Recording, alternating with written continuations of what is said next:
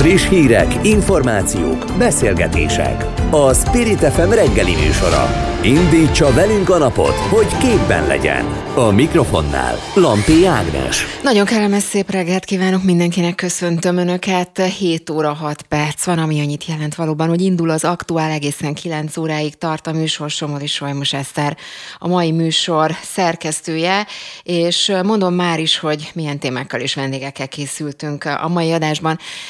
E, pillanatokon belül reményeim szerint Újhely István független EP képviselővel fogunk beszélgetni. Hát lesz témánk bőven, mert hogy azt írta ki a Facebook oldalára e, Újhely István a hétvégén, hogy Orbán Viktor és kormánya valójában nem akar megállapodni Brüsszellel, és ezt alátámasztani látszik, hogy maga, hogy a maga által vállalt határidőket sem tartja be, mert hogy legutóbb múlt héten kellett volna például egy jelentést küldenie az uniónak a korrekciós intézkedésekről, de hogy fogalmazott a képviselő, állítólag ez is elmaradt, és természetesen utána beszélgetünk majd a svéd, illetve a finn NATO csatlakozás ratifikálásáról is, mert hogy ezzel kapcsolatban is megszólalt egyébként a hétvégén Orbán Balázs és Szijjártó Péter is, Úgyhogy ezeket a témákat majd mind megbeszéljük vele. Aztán utána itt lesz Kereste, Keresztes László Lórent is, hát vele is van téma bőven, mert hogy bejelentkezett a Törvényalkotási Bizottságról, ahol úgy fogalmazott, hogy megvédték Sádő György pozícióját, aki továbbra is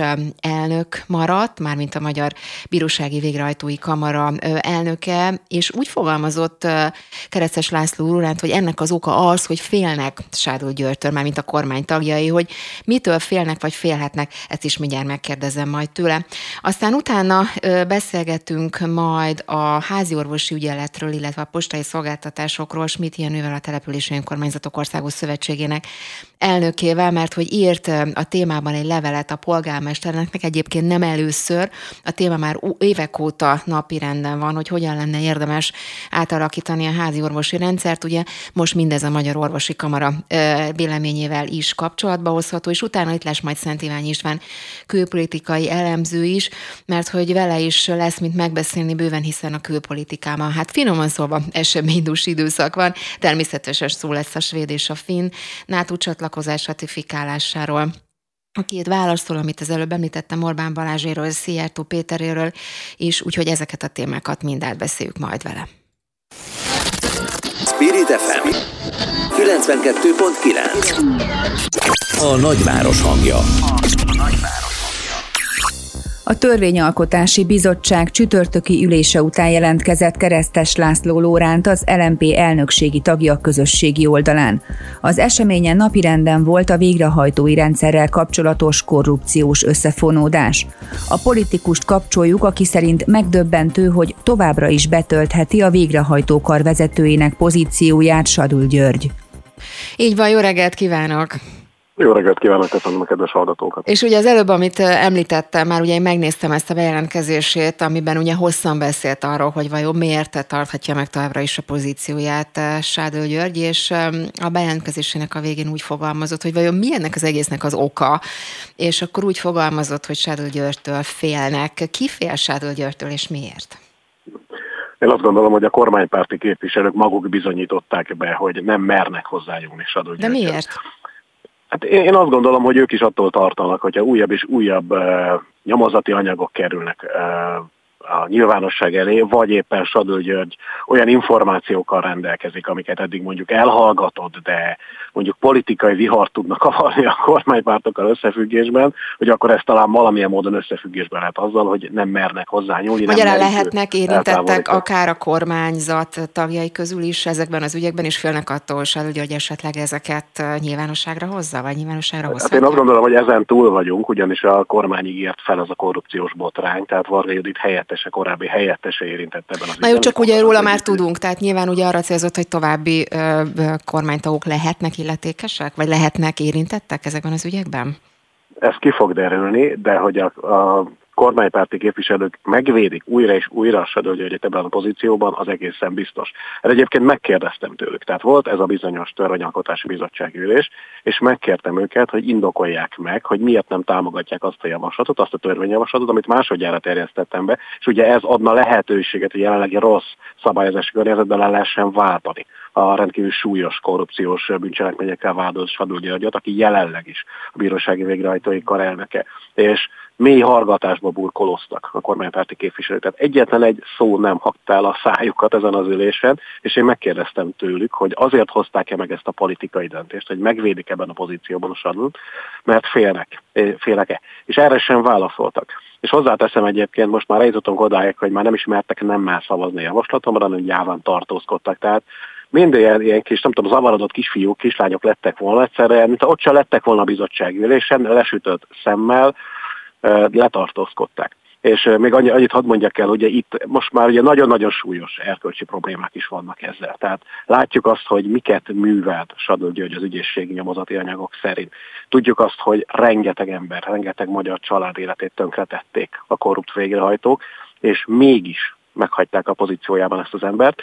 Azért, mert egyszerűen az államtitkár, egyébként Répási államtitkár, ugye jelenleg államtitkár, szerint és ugye rosszak a törvények. És azáltal, hogy ugye a Sadul már nem gyakorolhatja a végrehajtói tevékenységét, de még maradhatja, maradhatatta akar elnöke. És ugye itt egy olyan jogi probléma is felmerül, hogy az újabb kinevezett végrehajtóknak előtte kell letenni az esküt, ami nyilvánvalóan viszonylag nehéz, mert ő ugye börtönben van és ezt is felhasznál a bizottság és hogy hogyan gondolják, hogy majd a börtönbe járnak a, az új végrehajtók letenni az esküt, és hogy legalább ebben erre tekintettel, ha már az erkölcsi szempontok nem számítanak, erre tekintettel engedjék át a javaslatomat, hogy le lehessen váltani, és erre is a mély hallgatás, a passzivitás és végül a tartózkodás volt. Tehát akkor valószínűleg nehéz lesz ez ügyben lépnie, ha jól értem, mert hogy értem, hogy utána, hogy ezt újra és újra előterjeszti, majd csak láthatóan ezek szerint nem nagyon lesz lehetőség vagy eredménye?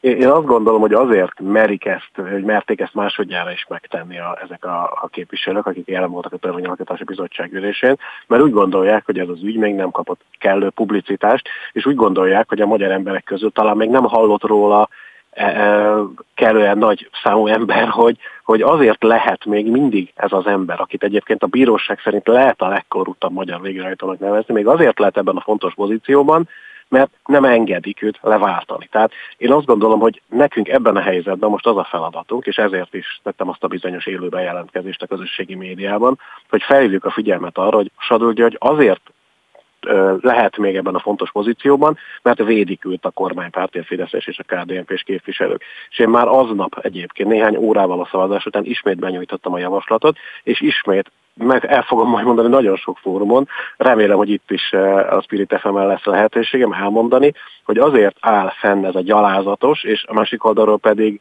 egészen elképesztő jogi nonsenszet jelentő helyzet, mert nem engedik, hogy ez az ember, akit egyébként tíz évet kért az ügyészség, ez az ember elveszítse ezt a fontos pozíciót. És ugye az uh-huh. kiderülhetett, hogy esze ágában sincs a végrehajtói kar vezetésének őt visszahívni. Uh-huh. Két másik témában, hogy kérdezzem, már az egyik a debreceni akkumulátorgyár témája, mert ugye ez is friss volt, hogy Péter Sándor kirúgja, vagy kirúghatja azt a vízügyigazgatót, aki ugye kritikus szakvéleményt írt a Debreceni akkugyár ügyében, és itt a 24.hu ment ugye ennek a történetnek után, és ők fölhívták a figyelmet az, hogy, hogy van-e összefüggés a, a kirúgás és a kritikus szakvélemény között.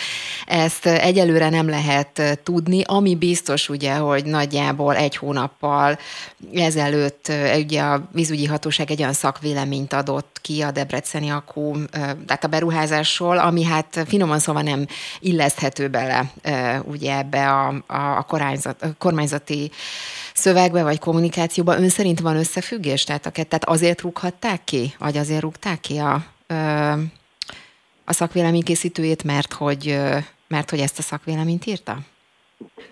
Ez meg kiderül, hogy konkrétan ez, ezért rúgták ezt ki, de az úgy néz ki a sajtóérek alapján, azt már tényként kezelhetjük, hogyha igazak ezek a sajtóérek, mert ugye hivatalosan még nem válaszolt a belügyminisztérium, én is egyébként hivatalos kérdést tettem fel, Igen.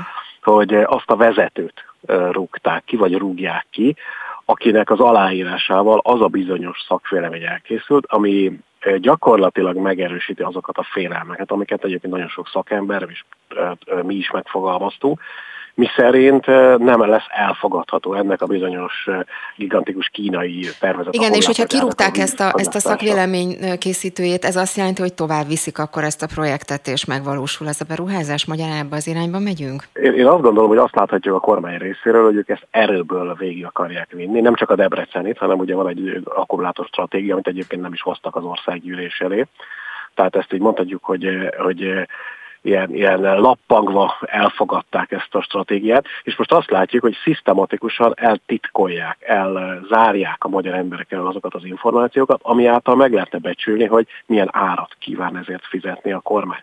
És egyébként most már eljutottunk odáig, ugye, amiről beszélünk az ügy kapcsán is, hogy most már nyíltan fenyegetik a szakembereket is, akik egyébként a kötelességüket végzik. Hiszen, hogyha egy vízügyi vezetőt kirúgnak, egy olyan vízügyi vezetőt, aki aláír egy olyan szakvéleményt, ami bizony kimondja az igazságot erről a tervezett gyárról, az egy nyílt fenyegetés valamennyi szakember számára. Hát ugye kérdés, hogy ezért rúgták ki, ugye, mert ezt egyelőre nem, nem tudni, vagy legalábbis ahogy hát, ön is mondja, ugye nem erősítették igen, meg. Így van, így van, de én azt gondolom, hogy ebben a helyzetben a nyilvánosság elé kellett volna már állni a belügyminisztériumnak, és minimum egy magyarázatot adni erre. De egyébként én hadd hozzam fel, hogy ugye nem olyan régen Palkovics Lászlónak távoznia kellett. Ugye a, a korábbi témában is egyébként felelős miniszternek távoznia kellett, és emlékezzünk arra, hogy Palkovics László nyilvánosan nagyon-nagyon komoly kritikákat fogalmazott meg az akkumulátor stratégia kapcsán. Ugye elmondta például azt, hogy őszintén kéne beszélni, hogy ennek milyen kockázatai vannak, és milyen ára van. Tehát magyarán Palkovics Lászlót is ezért távolíthatták el ebből a Én azt gondolom, hogy Palkovics László távozása is beleilleszthető abba a sorba, ami, ami bemutatja egyébként a kormányzati cselekvést itt az akkumulátor stratégia kapcsán, hogy ők ezt erőből, erőből akarják megvalósítani, és a lehető legtöbb információt el akarják titkolni. Egyébként nem is az ellenzéki képviselők elől, mert az egy, az egy dolog, hanem azok, embere, azok elől az emberek elől, akik mondjuk adott térségekben konkrétan érintettje ennek az ügynek. És nyilván ezért is gondoljuk azt, hogy megalapozatlanul adták ki az engedélyét a, a Még egy kérdés. ezért is támadtuk. Még egy kérdést engedje már meg belpolitikával, illetve ellenzéki politikával kapcsolatban, mert hogy ugye a héten, a hétvégén volt hír az, hogy a, a párbeszéd, ugye korábban úgy hívták a pártot, hogy párbeszéd Magyarország, most viszont nevet változtatott, és párbeszéd zöldekre változtatta a nevét, és ugye úgy fogalmaztak, hogy ennek az indoka az, hogy Magyarországon ebben egyre többen fedezik fel a zöld értékeket, és hogy a zöld értékek képviselete ugye Magyarország Magyarországon is megjelent, és ez hozzájuk köthető, és ezt korábban is többen kérdezték, hogy mi a különbség, mert nyilván önöknek is ugye ez a, ez a pozícionálása már, mint ami a pártot illeti. Szóval mi a, mennyi, mennyiben zöldebbek mások, vagy önök, mint mondjuk a, mint mondjuk a párbeszéd, szóval mi a különbség ilyen szempontból a két párt között? Hát én azt gondolom, hogy a problémák azok egyre inkább tornyosulnak előttünk, hogy a zöld ügyeket nézzük, és akkor jár el bölcsen, és akkor végzi el a, a rárót feladatokat egy párt helyesen, hogyha dolgozik a zöld ügyekért, nem akkor, hogyha nem tudom, valamiféle ilyen optikai tuningot próbál végrehajtani. Én azt gondolom, hogy a munkánkat kell következetesen végezni, például megtámadni hivatalosan, nem csak szép szavak szintjén, mint egyébként azt egy párt tette, egy, egy ilyen gigantikus gyárnak az engedélye. Ugye a kérdés az volt, hogy mi a különbség a párbeszéd és önök között már, mint ami a zöld, zöld ügyek képviseletét illeti? Hát megmondom őszintén, ilyen súlyú ügyek mellett én viszonylag kevéssel szoktam ezzel foglalkozni a párbeszéddel, de hogyha egyetlen egy, tehát nem akarom megkérni a kérdést, annak ellenére úgy érzem, hogy nem ezek a rendszer bontó kérdések Magyarországon, hogyha egy dolgot említenék, akkor azt egy alapvető különbségnek tartom, hogy az LNP mindig is kritikus volt a 2010 előtti kormányok működésével, és ennek a Magyarország vagy a társadalom gyakorolt hatásával, a párbeszéd pedig ugye soha nem indult önálló a választáson, hanem a szövetségi politikájával mindig azokat a szereplőket kereste, akik egyébként alakítói voltak a 2010 előtti Magyarországnak. Én azt gondolom, hogy ez egy igen jelentős. Mhm. Próbáljam akkor majd ezt lefordítani, és ígérem, hogy folytatjuk majd még ezt a témát. Köszönöm szépen Keresztes László Rólának, hogy tudtunk beszélni. Viszont Köszönöm, és szép napot kívánok mindenkinek. Spirit FM 92.9 A nagyváros hangja. A nagyváros. Nem tartja be a kormány a Brüsszel felé vállalt határidőket, mondja Újhelyi István. A független EP képviselő szerint Orbán Viktor és kormánya valójában nem akar megállapodni Brüsszellel. Március 31-én jár le az a határidő, amelyet az úgynevezett helyreállítási alap első kifizetéseihez szabtak feltételként. Újhelyi Istvánnal beszélgetünk. Aki már itt van velünk, jó reggelt kívánok! Jó reggelt kívánok! Ugye azt írta, vagy arról beszélt a Facebook oldalán, azt lehetett olvasni benne, hogy valójában nem akar megállapodni ugye a kormány Brüsszellel. Ugye ön ezt már többször elmondta korábban is több alkalommal, most újra elmondta, hogy ezt alátámasztani látszik az, hogy nem vállalja magáltal vállalt határidőket sem, és újra és újra az a kérdés, hogy vajon miért nem akar megállapodni, vagy miért ne akarna megállapodni Brüsszellel a kormány, mert tényleg ön ezt többször több alkalommal is elmondta már. Megállapodhatott volna, hiszen szeptember 12-én, tehát ez már jó régen volt, A kormány pontosan tudta, hogy miket kell bevállaljon a saját rendszerének átalakítása kapcsán. Ezeket írásban vállalta is, és azóta hosszú hónapok óta nem sikerült ezt megcsinálni. Hát igen, a kérdés Tehát, az, hogy vajon miért? A miértre én csak tanálgatni tudok, de aki ismeri a rendszer működését és az Európai Uniós követeléseket, az rögtön jelezheti a nagy nyilvánosságnak, hogy sajnos Orbán Viktor inkább a hatalmának és a mostani rendszerének fenntartása mellett áll ki, mint sem az Európai Uniós értékek, az jogállamiság vagy az Európai Uniós pénzek fogadása mellett. Egyszerűen azért, mert hogyha az Európai Uniós követeléseket, amelyek a mi érdekünkben születtek az állampolgárok érdekében, ezeket Orbán maradéktalanul betartaná, akkor a rendszerét le kéne építse. Épp ezért kérdeztem meg a nagy nyilvánosságot, hogy megére nekünk fejenként 1,6 millió forintot az, hogy az Orbán rendszer tovább működjön. Uh-huh. A másik ilyen téma, ami hát szintén régóta sokakat foglalkoztat, hogy mi lehet az oka és a háttere, az ugye Svédország és Finnország NATO csatlakozás. Bocsánat, pillanat, azt hittem, még maradunk az előző témánál, egy dolgot hagy jelezzek, Igen. hogy 26-a van, ugye? Tehát Sőt, már 27-e. Sőt, 27-e. Néhány nap múlva lejár a határidő, az a határidő, amit a kormány kapott. Hogyha ezt nem teljesíti, mert például látjuk, hogy ezt nem tudja teljesíteni, akkor a következő fordulópont az három hónap múlva van, e, és ez azt jelenti, hogy e, akkor évvégig már gyakorlatilag nem tud érkezni forrás. Most mindenki gondoljon bele, hogy milyen államháztartási helyzetben vagyunk, és hogy a magyar gazdaságnak, vagy a társadalomnak, az egészségügynek, az oktatásnak milyen iszonyatos módon szüksége lenne a forrásra. Ehhez képest értékeljük és mérlegeljük azt, hogy miért nem állapodik meg Orbán uh-huh. Akkor folytassuk is én, hogy, hogy vajon miért nem állapodik meg, vagy miért nem tűzi napirendre a, a parlament.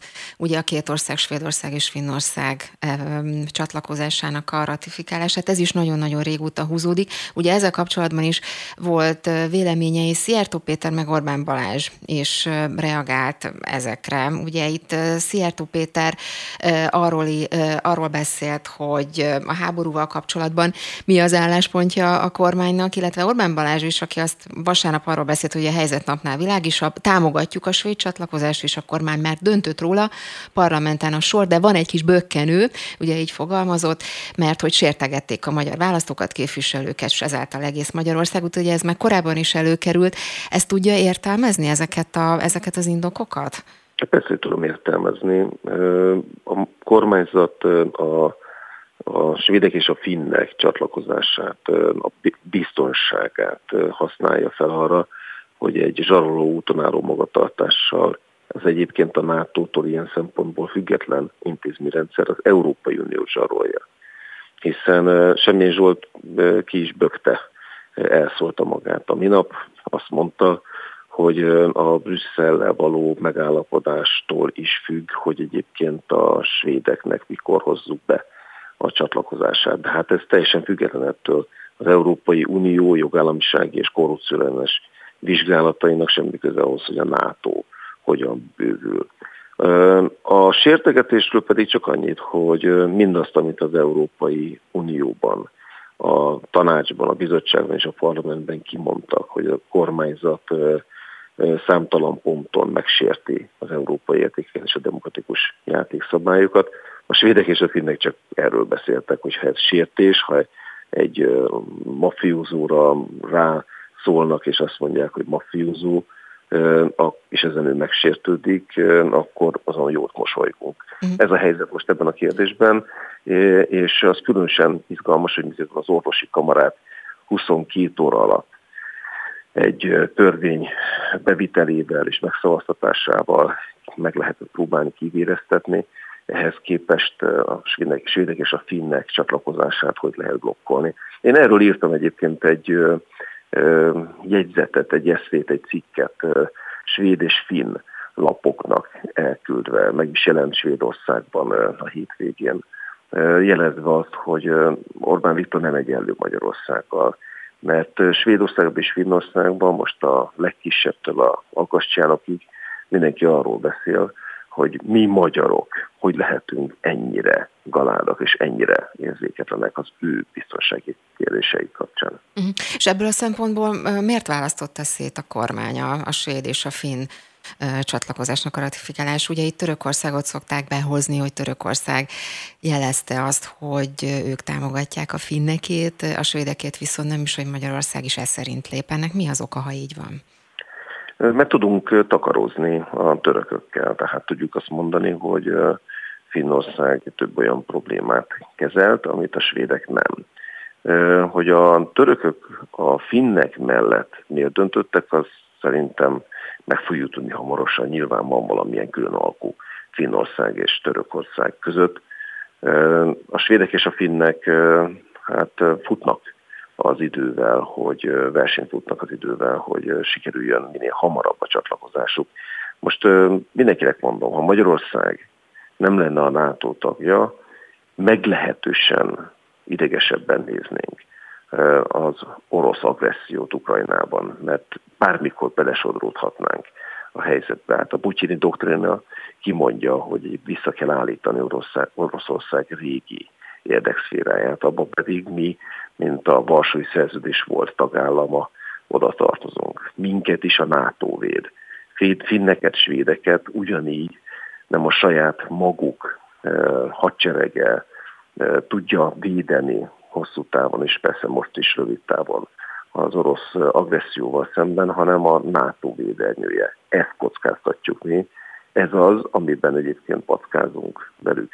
Hogy a finnek miért és hogyan tudtak megállapodni külön alkuval a törökökkel, és ezt mi hogy követtük, ezt jelen pillanatban még nem uh-huh. tudjuk. Még egy utolsó, hogy ez, hogy ez csak egy zsaroló játéknak a része. Még egy gyorsan, egy utolsó kérdés a végére, hogy uh, Szijjártó Péter ugye adott az interjút a most hétvégén az EP hírügynösségnek, és uh, ott úgy fogalmazott, hogy Magyarország békepártisága nem azt jelenti, hogy Oroszország megtarthatja a megszállt ukrán területeket, mert sokan ugye erről találgattak, hogy hogy képzeli el Magyarország a békét. Ebben lát némi elmozdulást, vagy ez beleillik a, a korábbi uh, kormányzati kommunikációba? Ó, hát ez semmi több, mint egy kettős beszéd, hiszen ez egy jó hangszó mondat, ezzel egyet lehet érteni, csak közben pedig külügyminiszteri tanácsüléseken és mindenhol máshol, amit csak lehet, megfúr a közös uniós döntésekről, vagy éppen NATO döntések kapcsán a magyar kormány. Kifejezetten úgy tűnik, mintha Moszkvával hamarabb egyeztetnének, és az ő érdekeiket néznék, mint sem egyébként a közös európai vagy a magyar érdekeket. Újhely István, független EP képviselőnek köszönöm szépen, hogy tudtunk beszélni, szép napot kívánok önnek. Viszontlátásra minden jót. Ez is sokan viszontlátásra. Friss hírek, információk, beszélgetések. A Spirit FM reggeli műsora. Indítsa velünk a napot, hogy képben legyen. A mikrofonnál Lampi Ágnes. Komoly kérdésekkel és feladatokkal néznek szembe az önkormányzatok. Az országos mentőszolgálat veszi át folyamatosan a házi orvosi ügyeleti ellátás megszervezését. Továbbá az energiaválság miatt bezárt 364 kispostából mindössze 45 újranyitását engedélyezte a Magyar Posta ZRT, miközben postapartner programmal kereste meg a vállalkozások mellett a települési önkormányzatokat. Schmidt Jenőt, a TÖOSZ elnökét kapcsoljuk. Aki már itt is van velünk a telefonban, jó reggelt kívánok! Kezik Csokon, jó reggelt kívánok! Ugyan írt egy levelet az önkormányzatoknak, és ebben valóban ezt a két témát emeltek ki, ami az előbb elhangzott. Kezdjük akkor a, a háziorvosi rendszerrel kapcsolatban. Ugye azt írta ebben a levélben, hogy, hogy támogatni kellene ezt a rendszert, adjunk bizalmat az új háziorvosi ügyeleti rendszernek, de egyben az új rendszer mind jobb átétel érdekében folyamatosan jelezzük is majd a felmerülő problémákat. Ez azt jelenti, hogy tulajdonképpen akkor ezt az új rendszert el kell fogadni és, és bevezetni, ha, ha jól fordítom le, amit írta a levélben. Igen, igen, igen, igen, igen. Azt gondolom, hogy jól tetszett lefolytani, és valóban így van. Tehát a, azt a magyar társadalom nem nagyon látja, de ugye nagyon nagy különbség van egy mondjuk Budapest vagy megyegóvárosi sürgősségi ellátás és egyéb más háziorvos ügyelet. Ugye Magyarország vívmány ez a háziorvos ügyelet, ez nem nagyon van így a világon, ez nagyon régóta így van, ez egy jóléti szolgáltatás, ami azt jelenti, hogyha mindenki úgy végig gondolja, délután kettőtől kezdve egészen másnap reggel 7 vagy 8 óráig ellátási formát tud visítani a magyar társadalomnak ez a, az a rendszer.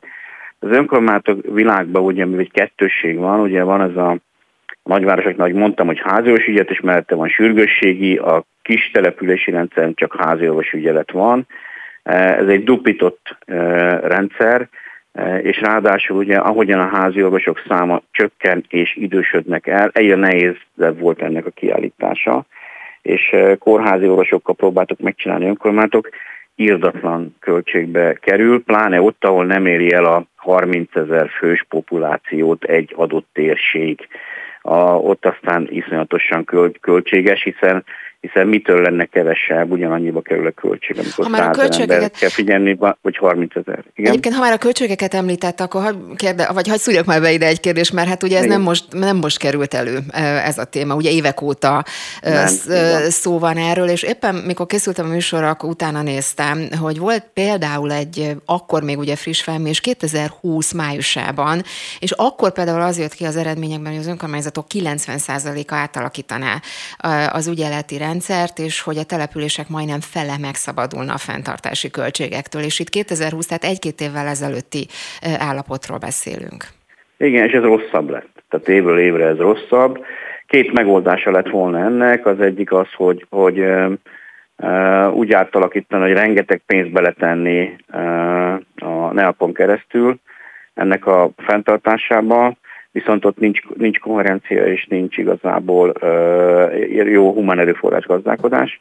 A másik irány pedig egy egészen más szabni neki, és én azt gondolom, hogy közösen, ahogyan próbáltuk kitalálni és rendezgetni, ez egy jó irányt uh, sikerült neki venni. Igaz, hogy ezt próbálják hajdú biharba most már több mint egy éve vagy másfél éve. Jönnek át majd szépen a megyék, amit nagyon nehezen fognak megérteni az emberek, és nekünk ebbe támogatni kell a kormányt. Most uh, önkormányzatoknak az, hogy lesz ellátása, mindenkinek lesz ellátása, de az alapvető kérdés az az, hogy ha bármi gondja van délután, kettő után, akkor telefon, OMS, és az OMS vezényelni fog. Akinek baja van, úgyis megy értem És mit gondol akkor akinek... a Magyar Orvosi Kamarának a, az állásfoglalásáról, mert ugye ők nagyon sok szakmai érvet hoztak föl ezzel. Hát én azt gondolom, hogy ők a saját tagjainak a az ellátórendszerbe való viszonyával kapcsolatosan nyilatkoznak meg. Egy kamarának ez is a dolga, ő képviselni kell neki a, a saját tagjait. Inkább ott az a, az a, az a probléma, hogy ugye ebben a szisztémában egy járásszékhelyre majd mindenkinek be kell menni ügyelni egy hónapba egyszer vagy kétszer. Azt is látni kell, hogy kevesen tudják, de nagyon a háziosok nem vállalnak ügyeleti rendszert. A kórházakból töltöttük, vagy próbáltuk feltölteni az ügyeleti kérdésköröket, ez gondolom nem akar megváltozni a következő egy-két évben se. Tehát a, és én el is hiszem, tehát ugye a, a házos társadalomnak a nagy része az 60 év feletti, nem akarnak ügyelni, én ezt el tudom fogadni, e, nincs ezzel különösebb, de akkor más e, rendszert kell kitalálni. A, a, ugye a, a, a BM erőlteti azt, hogy egy hónapban egyszer vagy kétszer azért be kell tudni menni ügyelni. Én azt gondolom, hogy be is lehet és be is, be is kell, lehet ezt vállalni, hiszen ezt nem ingyen kéri senki se, ez komoly összeget fizetnek érte. Igazából itt a humán erőforrás gazdálkodás is a vezénylés. Akkor, a akkor, akkor ha, ha, ez így lenne, akkor miért, miért, ennyire, miért van ennyire ellene a Magyar Orvosi Kamara? Ugye azt mondta, hogy a tagjaitnak az érdekeit próbálja képviselni, de a tagjainak az az érdeke, hogy esetleg plusz pénzt is kaphatnak érte, akkor miért lenne ez ellentétes? E, igazából e, az orvosi kamarának a, a, még egyszer mondom, munkajogi problémái vannak az orvosügyeleti rendszerrel, és nem rendszerbeli problémái vannak. E, azt, azt, azt, azt kell látni, hogy délután kettőtől bizony mentő lesz mindenhol. Ez, ez az embereknek is nagyon nehéz lesz elfogadni. A járásszékhelyre tudnak majd bemenni vagy ugye a fővárosban nem okoz nagy problémát, mert több kórház van, meg sürgősségi, a megyei városokban is rengeteg sürgősségi van, inkább majd nagyon arra kell figyelni, hogy a sürgősségit elválasztani attól, amit a mentő visz. Tehát mindenkinek a mentőt kell majd hívni, és a járás székhelyeken lesz orvosi ügyelet érdemben este tízig, oda kell menni majd ügyelni az orvosoknak. Ennek vannak ugye olyan feltétele, amit elkezdtek kérni. Ha nincs az orvosnak autója, akkor hogyan közlekedik be, ha nincs szakszemélyzet, akkor mi lesz vele? Tehát ezek olyan, blőd kérdések, hogy minden, minden nem lehet fölkészülni, én még nem láttam olyat nagyon, vagy esetleg egy-kettő van, akinek nincs autója, vagy nem vezet, azt majd valamilyen módon megoldják, vagy kimarad ebből az ügyet, olvasügyeti rendszerből. Tehát, tehát sok olyan kérdést mondott a kamara, ami igazából még egyszer mondom megvalósítási és e, e, emberfüggő. Mi rendszereket próbálunk összerakni, uh-huh Ettől függetlenül én azt gondolom, hogy jó fog tudni működni az orvosi Hagy kérdezzem már a postákkal kapcsolatban is, mert tulajdonképpen itt is olyan értelme hasonló, hogy ez, ahogy ön is mondja, ugye rendszeren szeretnének változtatni. Ugye itt, ahogy el is hangzott, ugye nagyon sok ilyen 364 helyen ideiglenesen szüneteltették a postai szolgáltatást, és itt is rendszer változtatásról van szó. Ezzel is egyetért? Hát azért, hogy ilyen, ilyen nagy alakú rendszerváltoztatása nem, nem értünk egyet, ugyanis az látszik, hogy a postának uh, uh, problémája az, hogy iszonyatos nagy digitalizáció, e-mailek, egyre több átutalási rendszerek, és minden olyan megjött az elmúlt húsz évben a technológiának a fejlődésével, amivel jelentősen leszökült az ő tevékenységi köre és a bevételi köre. De ennek nem az a megoldása első körbe, hogy fogom és mindent főszámolok, amit csak lehet, ahol van 5 forint veszteségem, azt megpróbálom rádobni az önkormányzat, vagy akárkire, csak hogy én megszabaduljak tőle. Ez különben a tulajdonosnak egy szerintem egy nem egy e, szép lépése, hiszen a posta tulajdonosa az a magyar kormány vagy a magyar állam. E, az önkormányzatok nem tudják vállalni. Tehát azt azért látni kell, hogy átvenni egy olyan szolgáltatást, ami Hát ugye eddig is arról volt, hogy vesztességesek, tehát akkor ezek hát szerint ez tehát még egy olyan szolgálat is fizet, fizetni az épületet, az ember, stb. Ezek 10 milliós nagyságrendek, aztán majd ő meg, ő meg adja hozzá szoftvereket. Tehát ez, ez, ez nem egy járat volt hosszú távon, ez egy ilyen, ez ilyen éppen kapaszkodó. Én azt gondolom, hogy módszeresen kell leépíteni, nem ilyen drasztikusan, hanem módszeresen nézve és, és folyamatosan átalakítva a szolgáltatást, és nem ekkorára. Nagyon nagy a baj persze, nagyon nagy, mert mindenhol nagy, mert ugye most van egy elég rendes recesszió indul el, amiből az jön ki, hogy mindenki kevesebb, és a magyar államháztartás egyre kevesebb tud, pénzt tud betenni az egyéb szolgáltatásoknak a finanszírozásába az energetikán kívül. Ugye a magyar villamos művek kb. 3000 milliárd forintot igényel a, a, a gáz és a villamos csökkentés ö, okán kiesett bevételeknek a pótlására.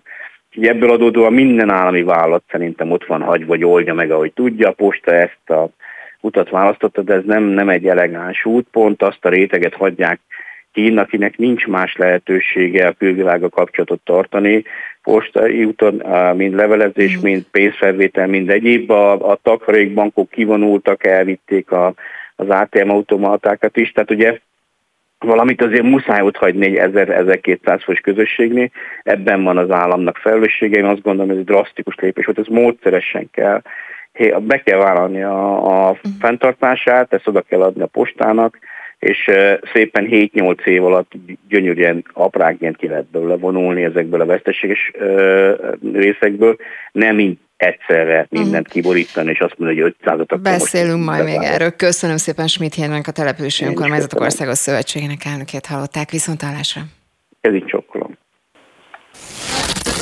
Spirit FM 92.9 A nagyváros hangja.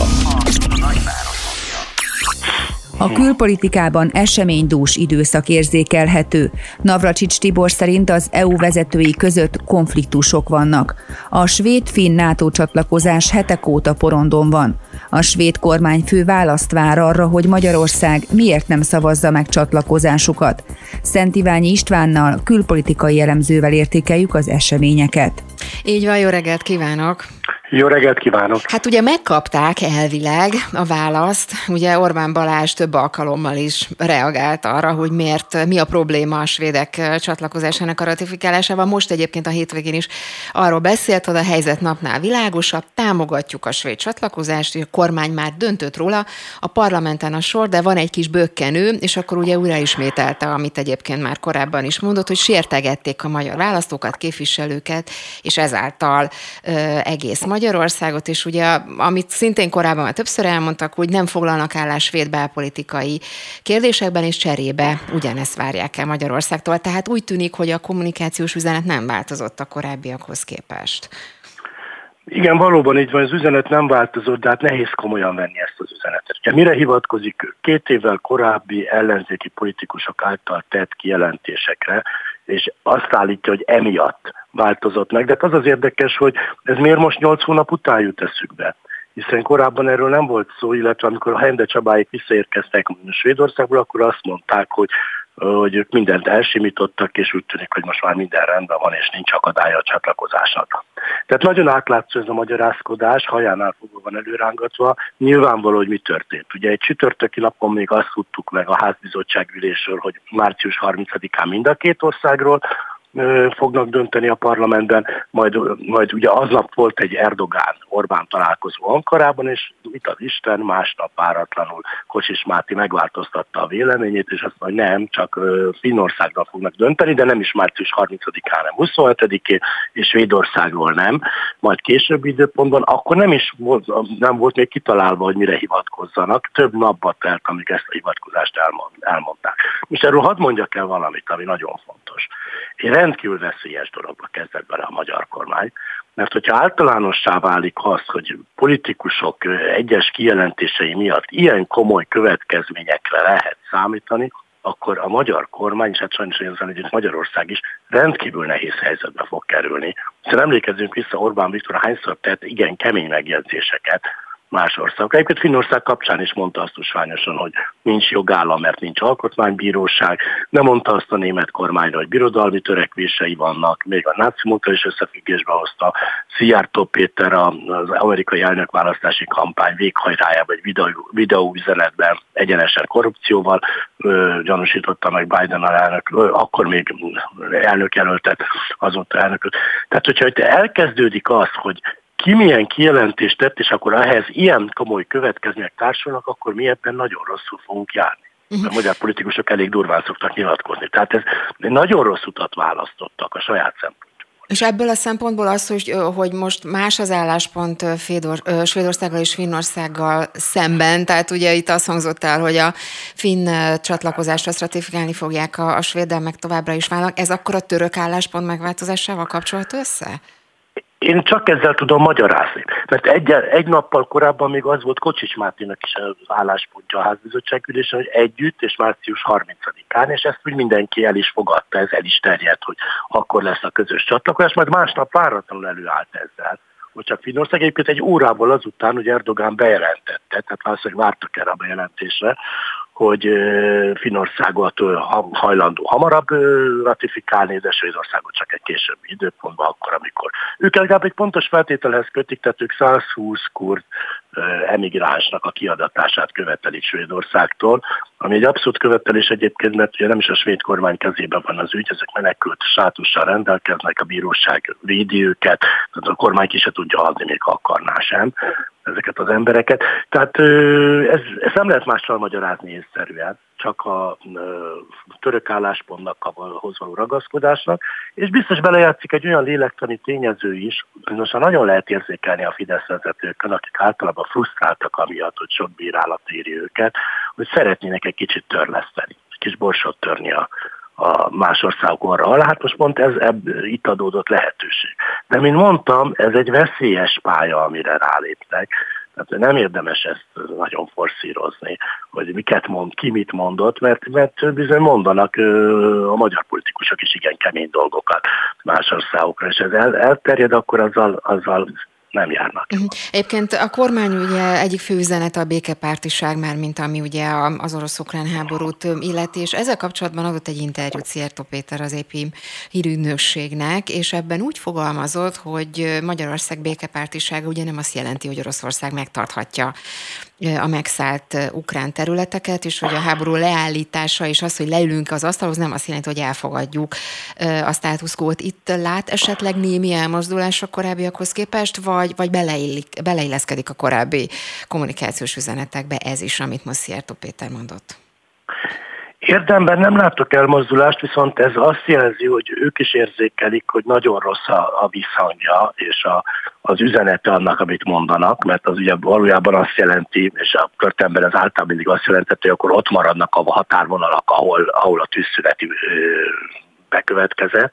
Tehát ezt kell most magyarázni azt kell magyarázni, ők nem is az oroszok érdekeit képviselők, ők nem gondolják azt, hogy így van. Na nem gondolják ezt, akkor miért nem csatlakoznak ahhoz, illetve csatlakoztak már az ENSZ határozathoz, akkor miért nem azt mondják, hogy tűzszünetre szükség van, igen, ahogy az orosz csapatok kivonultak, és elhagyták Ukrajna területét, és onnantól ez azonnali tűzszünet mind a két fél részéről. Ha ezt mondanák, az egy világos üzenet lenne, ezt mondja az a 141 ország által támogatott ENSZ határozat, amit Magyarország is támogatott egyébként, tehát az ENSZ fórumon ezt elfogadják, de egyébként mindig csak arról beszélnek, hogy tűzszünet, tűzszünet, tűzszünet és tárgyalások, most magyarázkodni kényszerül, és ez, ez a bizonyítvány magyarázkodása, tehát az a mentegetése, hogy igen, azért ez nem jelenti feltétlenül azt, de itt nem arról az, hogy feltétlenül mit jelent, hanem hogy az, az az álláspontja az összes szövetségesünknek, és ez a nemzetközi jog világos álláspontja is, hogy, hogy miután Oroszország agressziót hajtott végre, nincs joga azokhoz a területekhez, egy centélyéhez sem. Tehát azt el kell hagynia, és akkor valóban utána kezdődhetnek béketárgyalások bármi. Uh-huh. Akkor még egy dolog, mert Navracsis Tibor is megszólalt, az Inforádióban beszélt, és egy picit itt az EU-s pénzekről is beszéljünk, mert hát nyilván ugye határidők vannak, meg lesznek néhány napon belül. Ezzel kapcsolatban is éppen Újhely Istvánnal beszélgettünk a műsor elején, talán hallotta, hogy ő ugye nem először azt mondta, hogy ő úgy gondolja, hogy a kormány eldöntötte azt, hogy nem szeretné, vagy nem is akarja megkapni már, vagy nem is küzd azért, hogy megkapja az EU-s pénzeket. Ugye mi is beszélgettünk már erről többször, több alkalommal, és Navracsis Tibor most azt mondta, hogy személy és egyfajta ilyen politikai konfliktus van az Európai Bizottság elnöke, meg az Európai Tanács elnöke között, és ez okoz bonyodalmat itt a működésében, az EU működésében. Ez mennyire egy új üzenet most, akár Navracsis Tibor részéről? Hát én ezt is egy magyarázkodásnak érzem, tehát meg kell magyarázni, hogy most mi, mi történik. Én nem érzem ezt a nagy harcot kettőjük között. Hát ugye egyébként mindig van egyfajta feszültség, mert a bizottság és a tanács között egy kompetencia harc általában szokott lenni. Ugye a bizottság van egy intézményi egyensúly elve, tehát senki sincs alárendelve a másiknak, de a tanács mégis sokszor úgy szeretné beállítani, hogy ők fölötte állnak a bizottságnak. Szóval a tanács csak fölkérheti a bizottságról bizonyos törvényjavaslatok benyújtását, de nem kötelezheti arra. Tehát ilyen típusú kompetencia, küzdelmek a bizottság és a tanács között vannak, de én nem érzékelek más komoly súlyos problémát. Itt nyilván arról van szó, hogy amit hát most már többen mondunk, Műhely István, de én magam is hosszú ideje, hogy az már látszik, hogy ezt a márciusi határidőt a kormány elengedte. Tehát úgy érezte, hogy ezt nem tudja teljesíteni, nem is akarja, meg főleg, hát főleg azokat a feltételeket sem nagyon áll szándékában teljesíteni, amikről eddig szó volt. Valószínűleg most abban gondolkodnak, hogy egy fárasztásra játszanak, hogy talán a bizottság is és az tanács is elfárad, és egy idő után azokat a kompromisszumokat elfogadja, amiket a kormány felkínál.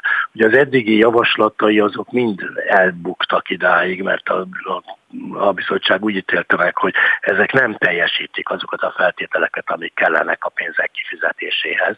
Ugye itt van ez a szuper, 27 szupermérföld, és van a, a, van a 17 is, ezek nagy, nagy részeket átfedik egymást, csak másra vonatkoznak. Ugye a 27 szupermérföld az a helyreállítási alappénzeinek megszerzéséhez kell, a 17 az pedig a, a 7 éves költségvetésben befagyott pénzekhez kell, és akkor még vannak a horizontális ügyek, amik mindent blokkolnak, tehát egy nagyon nehéz műveletet kéne a kormánynak megoldani, egyébként irreális volt kezdetben is a, a március végi határidő, de hát azóta gyakorlatilag nem is történt semmi érdemi mozgás, tehát, tehát én is úgy láttam, hogy az első fél évben ebből nem lesz semmi. Uh-huh.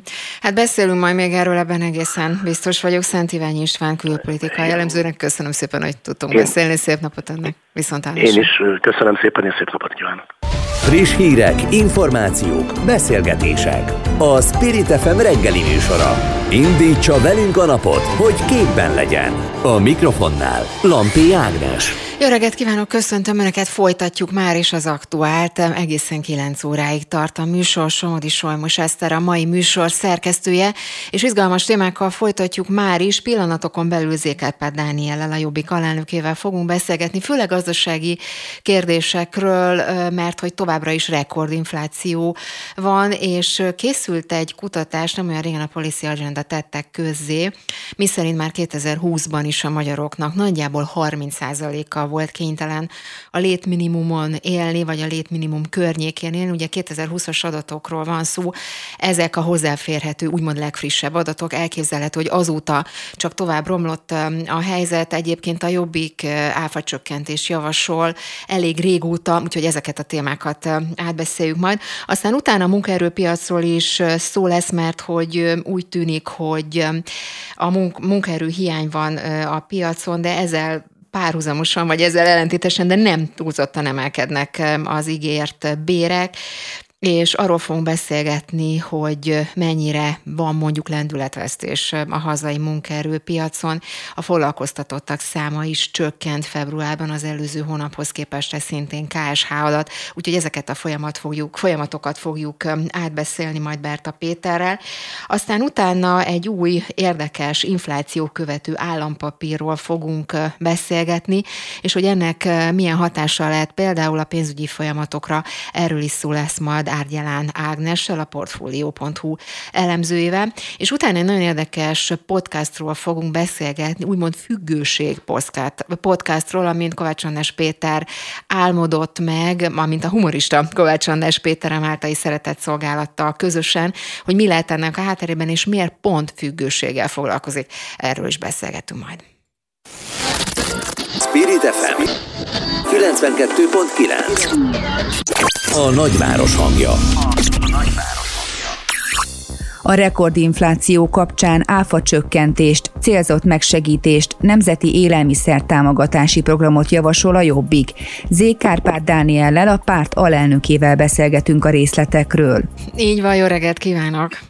Szép jó kívánok a kedves hallgatóknak. Kezdjük már az áfa csökkentéssel, mert ahogy az előbb említettem, ugye önök is nagyon régóta, egyébként más ellenzéki pártok részéről is nagyon-nagyon régóta mondogatják azt, hogy ez lenne a megoldás, és ugye több alkalommal reagált már a kormány arra, hogy, ez, hogy miért nem lesz áfa csökkentés. Ugye Orbán Viktor azt mondta, hogy ez egy régi vita, és hogy a magyar adórendszernek az a sajátossága, és egyben a sikerének is a kulcsa, hogy a munkát terhelő adók ugye Európában Magyarországon a legalacsonyabbak, és hogy ezért nem várható áfa csökkentés. Gulyás Gergely éppen most utána néztem február 9-i kormányinfón reagálta, hogy nem merült fel az áfa csökkentés, mert, mert nem árcsökkentés hoz, hanem a kereskedelmi hazon növekedését. Ugye a parlament tavaszi ülésszakában egyébként harangozó Tamásnak is reagált rá a, a kormányfő. Szóval mindezt csak azért mondtam el, mert tényleg nagyon-nagyon régi vita, és láthatóan nem fog változtatni ezen a kormány.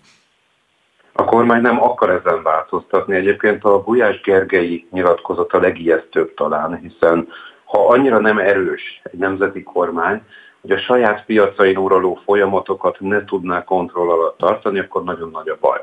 A digitális kor közepén ugyanis egy áfa csökkentést követően nagyon könnyedén ellenőrizhető az, hogy a nagykereskedők átengedik-e a rendszeren ezt árcsökkenés formájában, vagy pedig leteszik a különbözetet. Régi javaslatom, hogy egy online, akár színkóddal ellátott az egyes termékek nevének beütésére alkalmas adatbázissal, könnyen a nyilvánosság által ellenőrizhetővé tehető, hogy ki az, aki az áfa csökkentést átengedi a rendszerén, és ki az, aki nem. Talán még a Danon bolykott idejéből emlékezhetünk rá, hogy a nyilvánosság felháborodása milyen piaci folyamatokat tud elindítani, és mire számíthat az a multi cég, amely tudatosan és vállaltan visszaél a fogyasztói bizalommal. A helyzet az, hogy most már sokkal könnyebb egy ilyen adatbázis tekintetében a dolgunk, mint lett volna tíz évvel ezelőtt. Éppen ezért az áfa csökkentés egy jó módszer lenne erre, de azt is elmondtuk, hogy a Nemzeti Élelmiszer Támogatási Programon felül, ami nyilván a leginkább nélkülözők számára nyújthatja a legnagyobb segítséget, van egy nulladik lépés.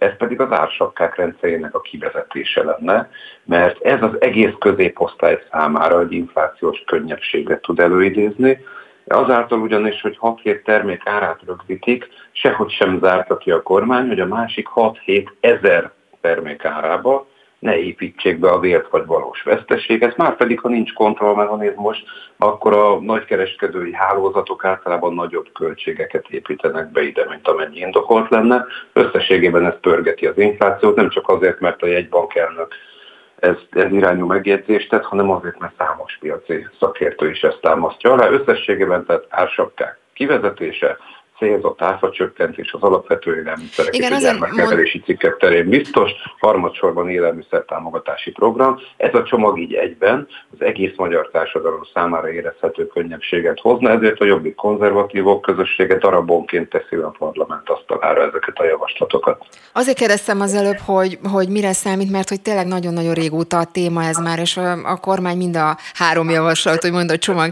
részének mind a három részére reagált már többször több alkalommal egyébként ugye a, az ársapkák ügye is többször előkerült. Itt éppen azt néztem meg, hogy Orbán Viktor például most a parlament tavaszi ülésszakának a nyitó ülésen ugye újra előkerült ez a téma, és újra azt hozta fel, azzal ellentétesen, amit önök mondanak, hogy mennyi család ment volna tönkre, hogyha ezek az ársapkák nem léteznének. Nyilván ez egy teoretikus vita, de belülről ismerni kell a multicégek, az élelmiszerkereskedelmi láncoknak a rendszerét, és én azt látom, hogy a nagyobb trükkök azok nem a magyar kis és közepes méretű vállalkozások körében merülnek fel. Tegyük hozzá, hogy a tartaléka is nagyobb egy multicégnek kigazdálkodni az esetleges piaci kudarcoknak vagy kormányzati beavatkozásoknak az árát.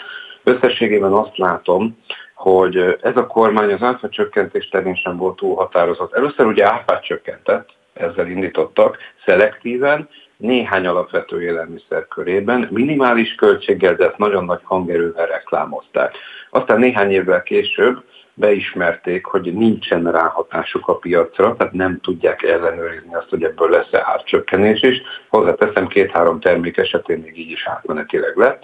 Most pedig már egyértelműen azt mondják, hogy az áfa csökkentés rossz módszer, az az áfa csökkentés, amit néhány éve ők maguk elkezdtek, mint említettem, szelektíven, és sajnos csak néhány termék körében. Azt látjuk ugyanakkor, hogy az áfa bevételből olyan horrorisztikus bevétele van ennek a kormánynak, ami józan észre felfoghatatlan, tehát a 3 vagy az 5000 milliárd forintról most már majdnem 8000 milliárd forint az áfa bevételi várakozása a kormánynak.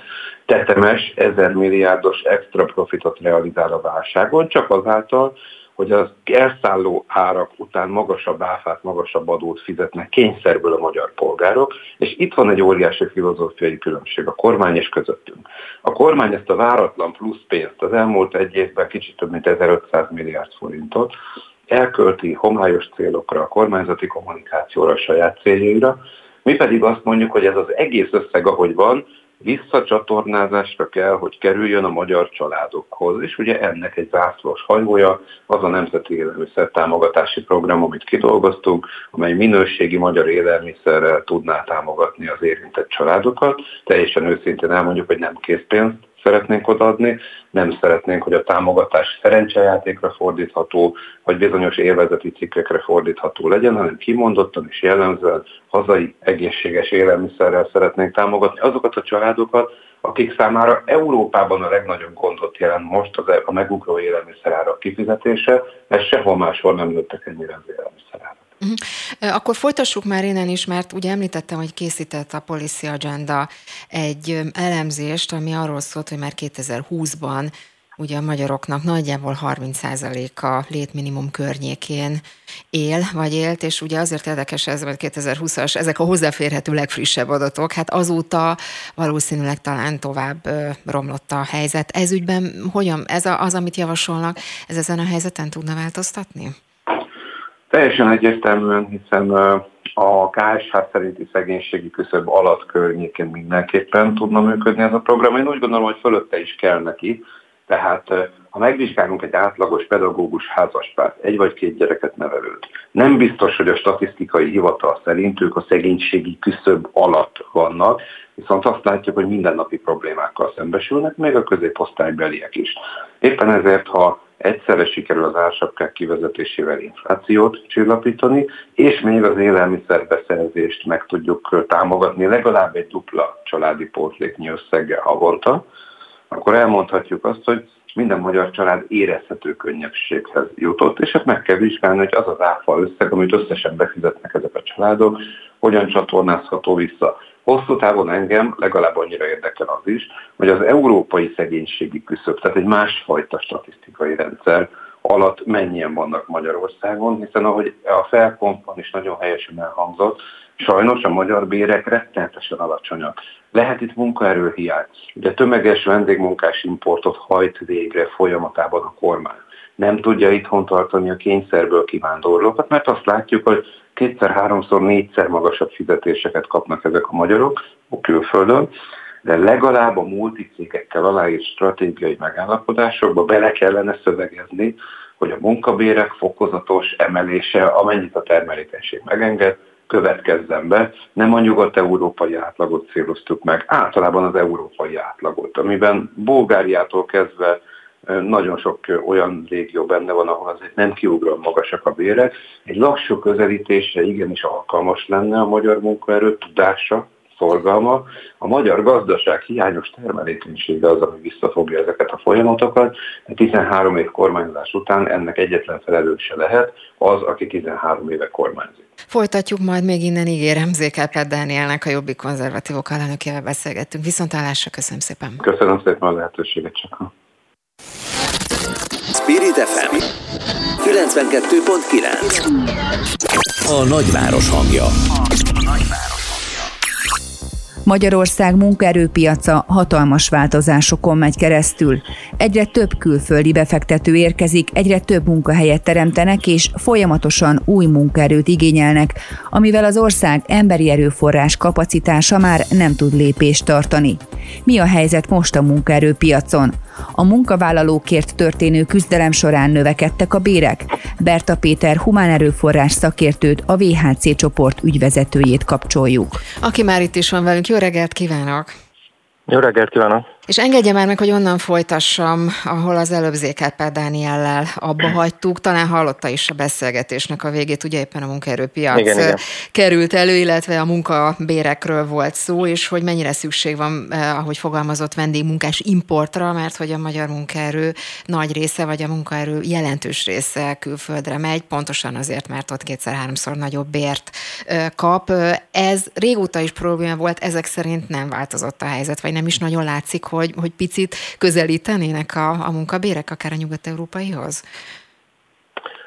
Um, én ezt egy kicsit másképpen látom, hiszen um, azért az elmondható, hogy az elmúlt években jelentős béremeléseket hajtottak végre a magyarországi vállalkozások, ugye a minimál béremelésével párhuzamosan nem csak a legalacsonyabb bérek, hanem a felette lévő bérsávokban is évente 10-15-20 százalékos emelkedés volt tapasztalható. Azonban az tagadhatatlan, hogy a, munkaerőpiacunk az feszített, tehát munkaerőre lenne szükség, és nincs jelenleg elérhető munkaerő kellő mennyiségben pontosan az ön által említett beruházások kiszolgálásához. Azonban itt több mindenre is visszavezethető, ez nem feltétlenül csak arra, hogy Nyugat-Európában dolgozik jó néhány tízezer, százezer magyar, hanem arra is, hogy az elmúlt években jelentős gazdasági fejlesztések valósultak meg, az itt lévő cégek bővítettek, új beruházások érkeztek, és ezek a beruházások felszippantották az elérhető munkaerőt a piacon. De akkor hogy jön a képbe az, hogy közben ugye a KSH adataiból az látszik, hogy nőtt a munkanélküliség, mármint nem is annyira jelentős mértékben, de a tendenciákat nézve, hogyha szükség van munkaerőre nagyon sok területen, akkor hogy, hogy lehet az, hogy mégis nő a munkanélküliség?